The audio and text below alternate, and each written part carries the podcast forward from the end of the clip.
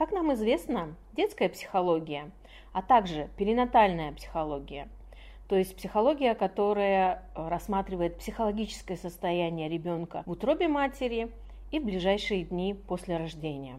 Это очень молодые науки, которые начали развиваться во второй половине 20 века. Если мы сейчас обратимся к эволюции взаимоотношений родителей и детей, то практически можно сказать, что до конца 20 века мы наблюдаем картину полного управления и жесткого контроля над детьми родителями. Насилие любой формы в отношении детей считалось абсолютной нормой.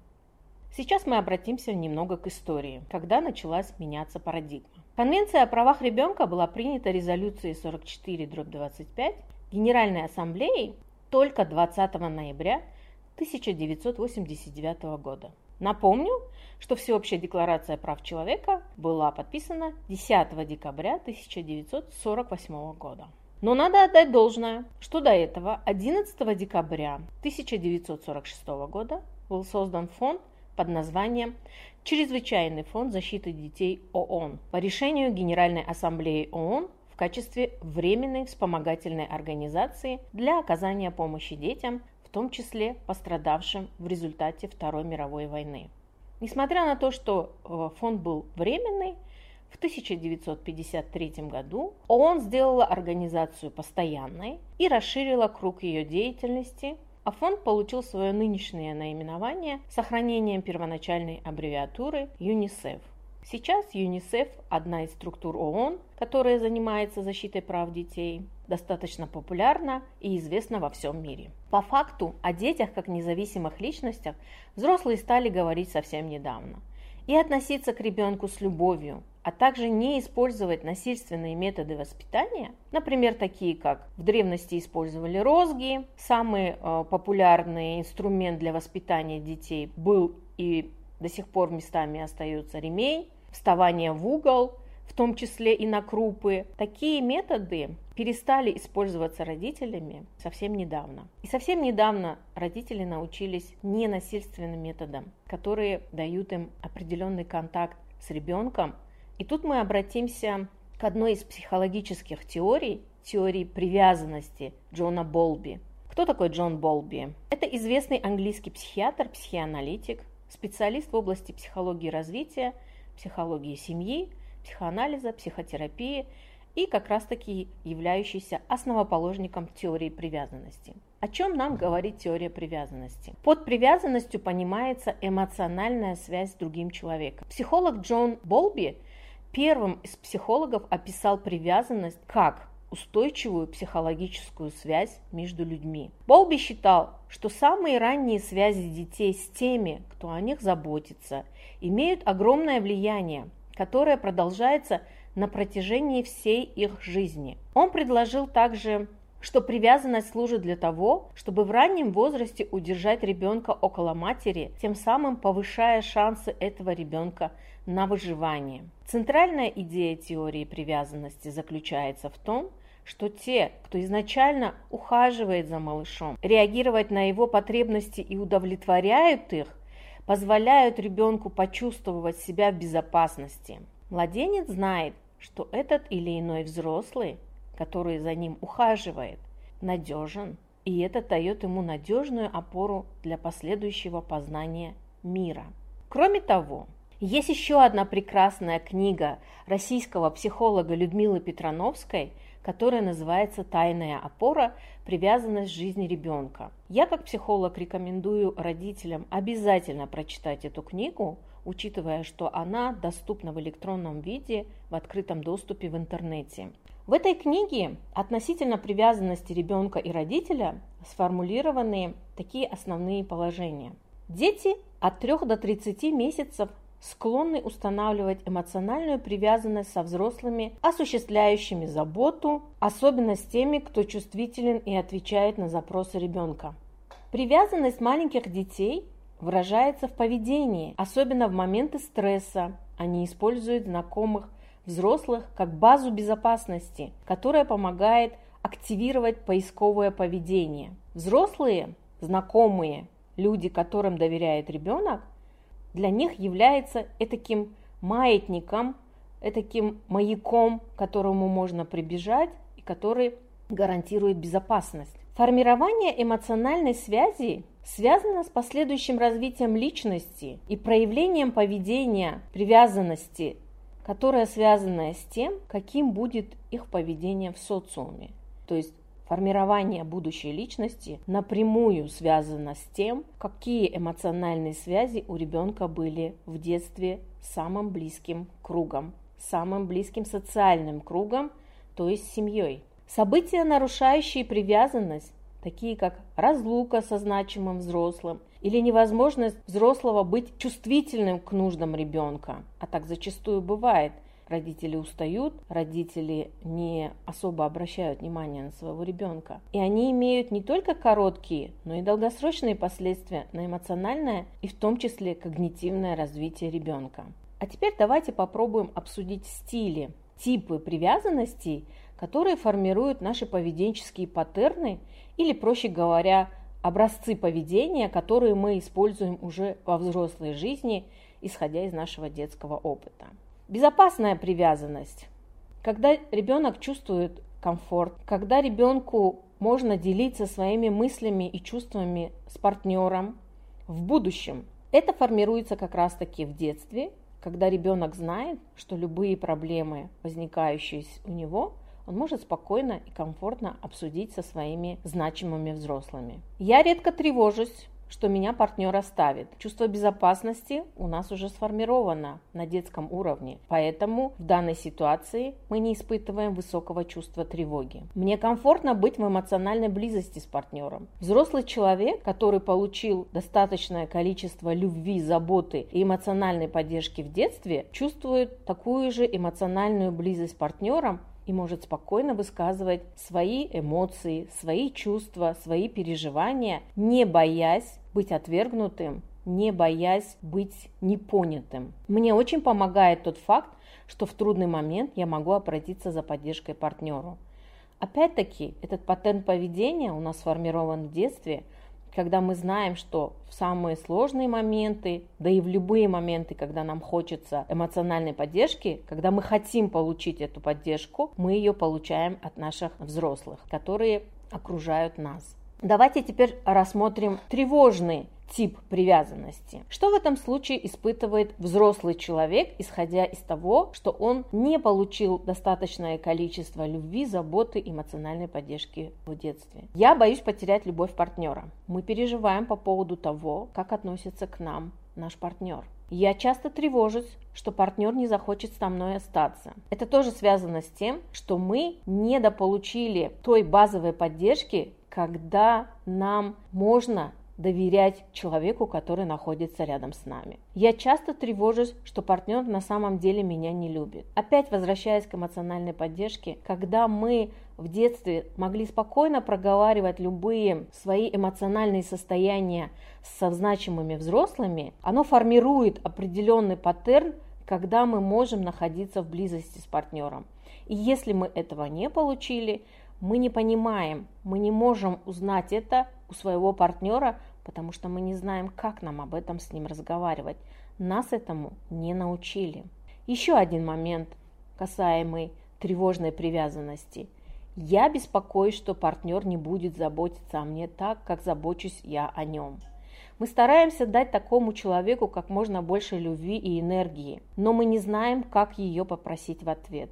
Опять, повторюсь, потому что мы не умеем об этом говорить. Ну и давайте посмотрим третий э, стиль привязанности, который называется избегающий. Что в этом случае происходит со взрослым в данном виде привязанности? Я предпочитаю не показывать партнеру, что я на самом деле чувствую. Мне очень трудно, если я чувствую, что привязана к своему партнеру или привязан к своему партнеру. Мне некомфортно открываться перед партнером. Я предпочитаю не допускать излишней близости с партнером. Все эти поведенческие паттерны, все эти образцы поведения сформированы из-за отсутствия вообще какой-либо любви. И такое часто происходит с детьми, которые выросли вдали от очень близких людей, в том числе детьми, которые выросли в детских домах, в домах-интернатах, потому что те люди взрослые, которые там находятся, им просто физически не хватает возможностей оказывать эмоциональную поддержку всем детям. Сейчас я предлагаю рассмотреть пять типов проблемных матерей. На самом деле это одна из самых табуированных тем в вопросах воспитания.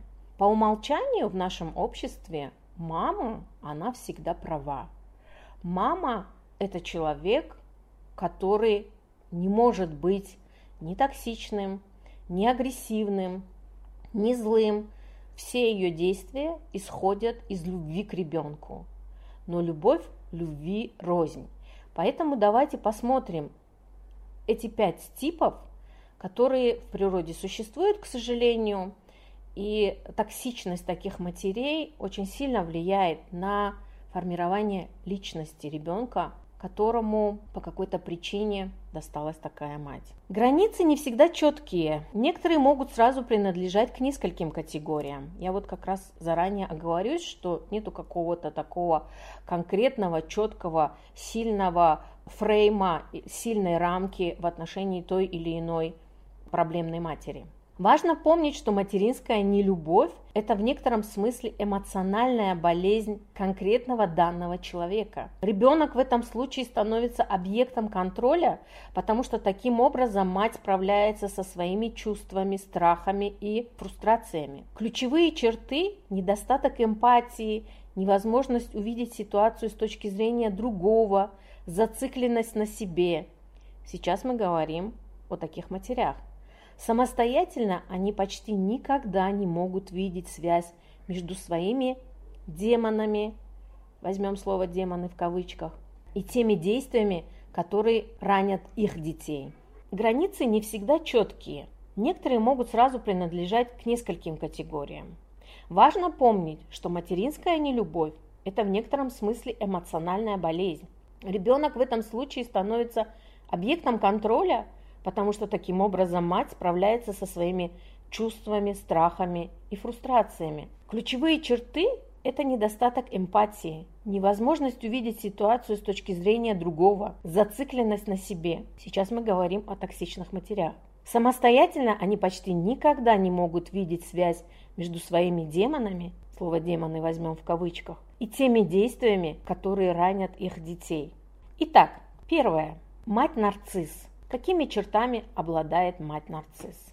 Из-за чувства собственной уязвимости она постоянно испытывает потребность в восхищении и подтверждении собственной важности. Она должна чувствовать себя центром происходящего. Она часто относится к дочери как к сопернице – либо к дочерям как соперницам, уязвляя чувство уверенности в себе, в своей привлекательности и силе как женщины. Критика и соперничество присутствуют всегда, но особенно обостряется, когда дочь начинает взрослеть. Помните сказку о Белоснежке? Это как раз-таки типичная мать-нарцисс. Но в том случае в сказке о Белоснежке это была мачеха, но она как раз-таки характеризует тип матери-нарцисс, которая начинает с возрастом испытывать, как это бы ни звучало сейчас шокирующе, чувство зависти и ненависти к взрослеющей дочери, потому что на ее фоне она начинает увидать. А как мы знаем, любой человек-нарцисс постоянно нуждается в чувстве и потребности восхищения этим человеком. То есть мы все время, окружающие люди, должны человеку-нарциссу подтверждать его важность, его ценность и говорить, какой он прекрасный. Если мы говорим о втором типе матери, это гиперопекающая мать. Часто мы видим в социальных сетях такой хэштег «Я же мать». Вот это как раз-таки гиперопекающая мать. Какие типичные характерные черты гиперопекающей матери? Полностью стираются границы между собой и ребенком. Претендование на пожизненную роль важнейшего человека в жизни, как правило, дочери, но и сына тоже. Неважно, какой ценой, я главный человек в твоей жизни. Из-за того, что она считает себя источником удовлетворения всех нужд ребенка. Она не способна сделать ребенка самостоятельным и независимым. Она все время рядом, она все время оказывает поддержку, заботу. Но забота иногда такая, особенно взрослеющему ребенку, начинает претить. начинает задыхаться от такой заботы. Но мать часто говорит ребенку, что мы лучшие друзья. Хотя мать в таких случаях никогда не учитывает эмоции и потребности своего ребенка, особенно когда они не совпадают с ее собственными. По факту гиперопекающая мать пытается создать этакий вакуум вокруг своего ребенка для того, чтобы постоянно находиться в эмоциональной связи с этим ребенком, и чтобы этот ребенок всегда был зависим от своей матери. Ну, если здесь приводить в качестве примера, мы знаем, когда взрослеющая дочь или сын хотят жениться или выйти замуж, в таких случаях у мамы начинается целый букет различных болезней, целый букет различных проблем – которые обязательно должна или должен решать ее ребенок, сын или дочь. Соответственно, все внимание перетягивает гиперопекающая мать, и в таком случае никакому партнеру, никаким другим людям внимания уже просто не хватает. Всепоглощающая ревность движет гиперопекающей матерью. Давайте обратимся к третьей категории токсичных матерей. Мать контролирующая, часто с обсессивно-компульсивным расстройством. Чувствует себя беспомощной во многих областях своей жизни.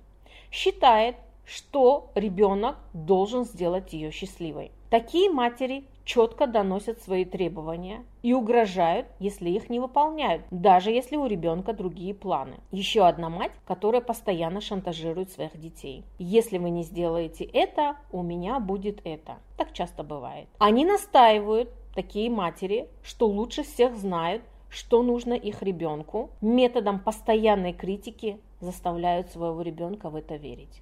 Как часто мы слышим я лучше знаю, что тебе надо. Я знаю, что тебе сейчас нужно надеть, одеть, что тебе нужно сейчас сделать. Это типичные слова контролирующей матери. Мать, которая хочет постоянно знать все, что происходит со своим ребенком. Если посмотреть метафорически, ребенок у контролирующей матери – это кукла-марионетка, которую, когда необходимо матери, она дергает за те ниточки, которые ей необходимо в данный момент подергать. Теперь перейдем к следующей категории матери. Мать, которая нуждается в опеке со стороны ребенка. В данном случае что происходит? Парентификация. Что подразумевает парентификация? Мать в данном случае меняется ролями со своим ребенком. В нормальных здоровых отношениях ребенок не должен, ребенок не обязан опекать своих родителей. Это деструктивная стратегия. Как правило, у таких матерей зачастую бывает депрессия или какая-то определенная аддикция. Аддикция – зависимость от чего-либо. Неважно, аддикция от Э, своего мужа, аддикция от алкоголя, зависимость может быть какой угодно. И часто такая мать становится таким беспомощным объектом, о котором должен заботиться ее ребенок. Причем не только о ней, но и обо всей семье в целом. Зачастую так случается со старшими детьми. Старший ребенок очень рано становится взрослым, потому что всю ответственность за семью перекладывают на него. Его не спрашивают, хочет он, не хочет, нравится ему, не нравится. Просто мама решила, что ты должен опекать меня и своих младших братьев и сестер. То есть ребенок старший, которому переложили всю ответственность, остается в вечном голоде по опеке и заботе, на которые ее или его мать не способны. Она просто не может это дать. Это инфантильная мать. Мать, которая вечный ребенок, которая требует постоянного внимания. И так как ей не дают это внимание и заботу другие окружающие, она начинает требовать это от своего ребенка. Проблемы заботы о себе в будущем это невозможно сделать это сейчас. Итак, когда мы говорим о насилии со стороны матери, будь то эмоциональное или физическое, это на самом деле такой темный конец спектра. В таких случаях матери Токсичные матери вообще не способны быть донорами тепла. Они оставляют своих детей в абсолютном состоянии небезопасности. Не могут совершать насилие сами или не мешать насилию со стороны других членов семьи. Это самый сильный яд, который оставляет в душе ребенка глубокие раны, которые не всегда во взрослой жизни могут излечить даже психологи и психотерапевты. И когда мы говорим, что все мы родом из детства, и все наши проблемы возникают в период нашего детского возраста, период, когда наша личность создается нашим самым ближайшим социальным кругом, а именно нашими родителями, это база, на которую мы ориентируемся в будущем. И не всегда эта база дает нам чувство стабильности, безопасности, эмоциональной поддержки. Еще бы хотела отметить влияние насилия на детей. Были проведены исследования. В 2010 году Ирина Лукьянова проделала колоссальную работу, собрав источники по исследованиям о влиянии физического наказания на здоровье детей. Тогда на PubMed было опубликовано 406 таких исследований. Сейчас их намного-намного больше. В этой области делается очень много различных исследований. К сожалению, очень сложно опираться на статистику нашей страны, потому что ее практически в природе не существует. И если даже она существует, она закрыта, а к ней доступ не имеет обычный гражданин, поэтому давайте будем опираться хотя бы на статистику наших ближайших соседей, где исследования проводятся очень много. То есть, если мы говорим о россиянах, 73% россиян считают, что ремень – это самое допустимое средство воспитания детей. Я думаю, что в нашем обществе э, эта цифра, возможно, даже будет больше. Возможно, это не будет ремень, но физические методы насилия не просто считаются допустимыми в отношении детей, они считаются одним из действенных, возьму слово действенный в кавычках, методом или средством воспитания детей. Распространенность физических наказаний, она все-таки зависит от социальных групп. То есть нормально считается там, шлепать детей по попке или, о, да, допустим, если это 15% среди более образованных людей, то порядка 90% необразованных людей будут считать, что что в этом такого. Ребенок нашкодил, надо его за это наказать. Я не буду сильно останавливаться на различных статистических данных, потому что, еще раз повторюсь, что они не являются статистическими данными нашей страны, но я думаю, что если мы посмотрим на свое ближайшее социальное окружение, мы найдем достаточное подтверждение того, что в нашем обществе физическое наказание считается таким достаточно распространенным и нормальным, возьму слово нормальное в кавычки, явлением. И, как часто говорят многие мамы, а как нам еще воспитывать своего ребенка? Про эмоциональное и психологическое насилие я вообще молчу, потому что многие родители даже не понимают, что они практикуют такие методы в отношении своих детей.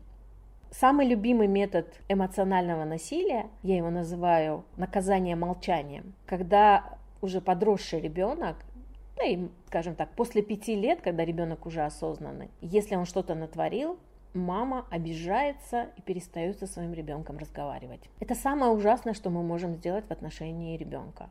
Потому что ребенок в этом возрасте еще абсолютно не понимает, что он сделал такого, за что его наказывают тишиной.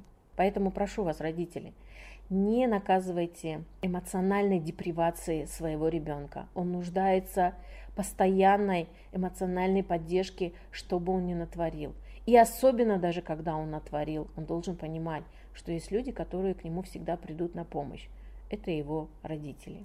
Чем характерны физические наказания дома, которые откладываются в дальнейшем у детей. Физические наказания дома – это фактор риска развития антисоциального поведения в дальнейшем у школьников, у дошкольников, которые имеют проблемы с агрессией и самоагрессией.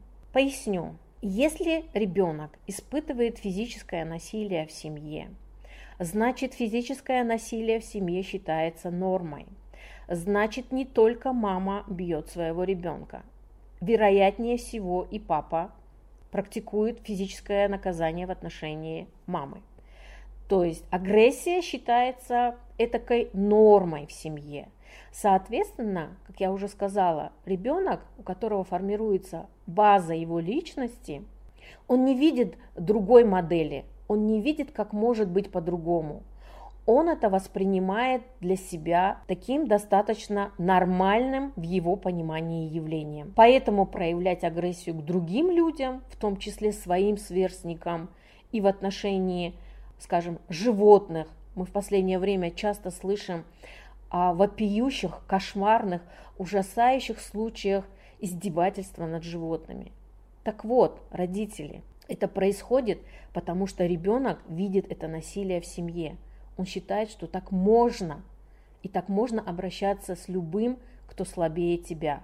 Обнаружено, что матери, которых били в детстве, или которые стали жертвами эмоционального или физического насилия со стороны партнера, гораздо более склонны физически наказывать своих детей даже когда в расчет принимаются определенные осложняющие обстоятельства. Ну, например, мама находится в депрессивном состоянии или в постоянном стрессе по каким-то причинам. Если мать пережила насилие со стороны еще кого-то, кроме нынешнего партнера, это еще больше увеличивает риск применения телесных наказаний к детям.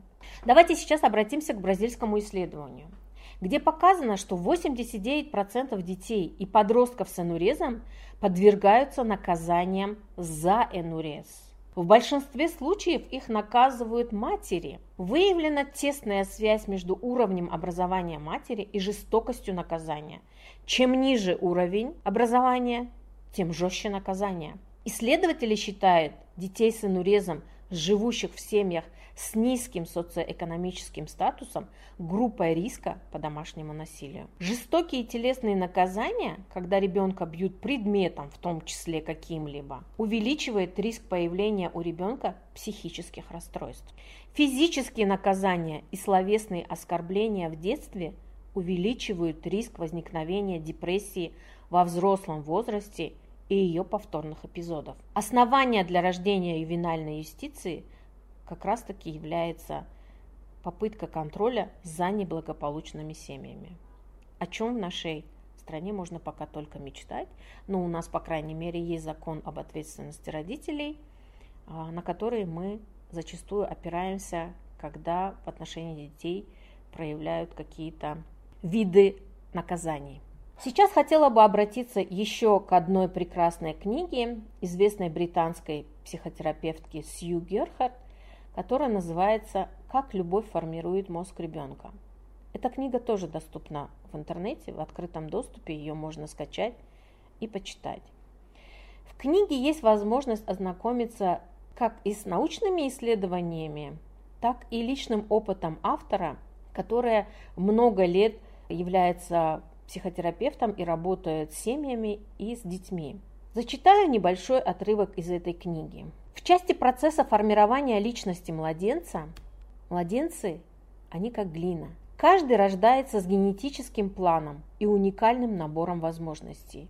У ребенка есть тело, запрограммированное развиваться определенным образом, но никаких средств для автоматического развития нет. Младенец – интерактивный проект, а не автономный.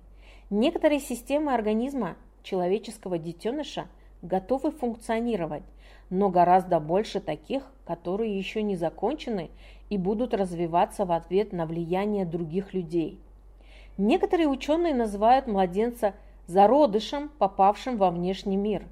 И в этом есть определенный смысл, так как ребенок не готов функционировать самостоятельно и требует воздействия взрослых людей. В эволюционном смысле это имеет особое значение, так как позволяет наиболее полно передать наиболее эффективным способом человеческую культуру от одного поколения другому. Таким образом, каждый ребенок может быть подстроен под те обстоятельства или окружения, в которых он оказался. Ребенок, рожденный в архаичном высокогорном племени в Непале, будет иметь культурные потребности, отличные от ребенка, рожденный на урбанистическом Манхэттене. Каждый маленький человеческий организм создает свою собственную симфонию, вибрирующую, пульсирующую из различных ритмов и функций, наполняющих тело, дирижируя ими через систему химических и электрических сигналов. Внутри организма множество систем, связанные друг с другом достаточно слабо, и между ними часто случаются разногласия. Эти системы взаимодействуют друг с другом посредством электрических и химических сигналов, стремясь сохранить приемлемый уровень возбуждения, постоянно адаптируясь к изменяющимся обстоятельствам и внешним, и внутренним. В самые первые месяцы жизни организм только устанавливает этот самый приемлемый уровень возбуждения, определяет исходное состояние для каждой из систем, которая этим системам в дальнейшем нужно будет поддерживать. Когда же происходящие события вызывают возбуждение системы вышеуказанного уровня, либо опускаются их ниже нормы, система начинает предпринимать действия для восстановления исходного состояния. Но в самом начале норму нужно определить, и это социальный процесс. Младенец не может сделать это самостоятельно. Для установки нормы ему необходимо скоординировать свои системы с теми людьми, которые находятся вокруг него. Дети матерей, находящихся в депрессии, приспосабливаются к низкому уровню стимуляций и привыкают к низкому уровню положительных эмоций. Дети беспокойных матерей могут приходить в состояние перевозбуждения, и им может казаться, что чувства просто вырываются из человека взрывным образом, и что с этим ни сам человек, который чувства испытывает, ни окружающие ничего не могут сделать либо они могут попытаться полностью отключить все чувства, чтобы справиться с нахлынувшей волной. Дети, которые получают достаточное внимание, ожидают от окружающих и мира адекватного ответа на свои чувства, а также помощь возвращении комфортного состояния в случае избыточного стимулирования. При этом, получая внешнюю помощь, со временем они научаются управлять процессом самостоятельно. Если мы посмотрим на этот отрывок, который нам говорит о том, что ребенок рождается абсолютно беззащитным, ребенка воспитывают те люди, которые находятся рядом с ним. Соответственно, как было сказано в этом отрывке, в зависимости от того, какую эмоцию дают ему окружающие люди, беспокойство, тревогу, спокойствие, агрессию. От этого зависит, как ребенок научится в дальнейшем жить, как он сможет сохранить свое состояние стабильным, нестабильным. Все это формируется у нас в детстве. Итак, давайте сейчас резюмируем. Как же нам любить своего ребенка? Что необходимо сделать, чтобы ребенок стал личностью? Личностью, которая будет опираться на фундаментальную базу любви, полученной в детском возрасте, что позволит быть эмоционально, психологически стрессоустойчивым человеком. Все по факту очень просто. Как мы знаем, все гениальное по факту просто. Все, что нужно делать родителям. Любить ребенка.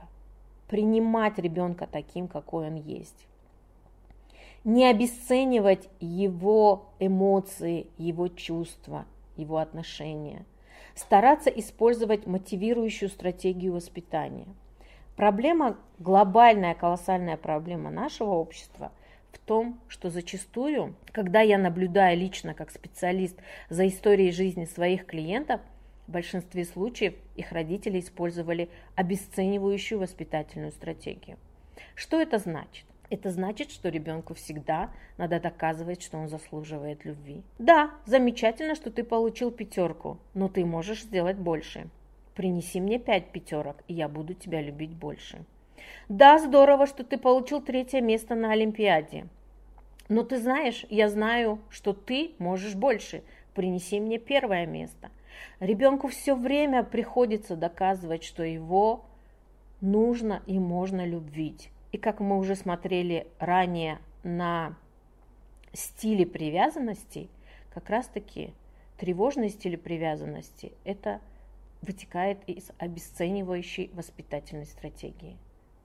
Дорогие родители, единственное, что я хотела бы сказать в конце нашего подкаста, пожалуйста, поддерживайте эмоциональную связь со своим ребенком. Спрашивайте, как прошел день, что интересного сегодня произошло в его жизни. Если у вас несколько детей, вы можете устраивать вечерние ритуалы перед сном, устраивать небольшой обзор дня для того, чтобы узнать, как прошел день у каждого из ваших детей. Я понимаю, что сегодняшняя жизнь, она сама по себе стрессовая, она приводит к серьезному эмоциональному выгоранию. У родителей колоссальное количество забот, кроме как заниматься воспитанием ребенка.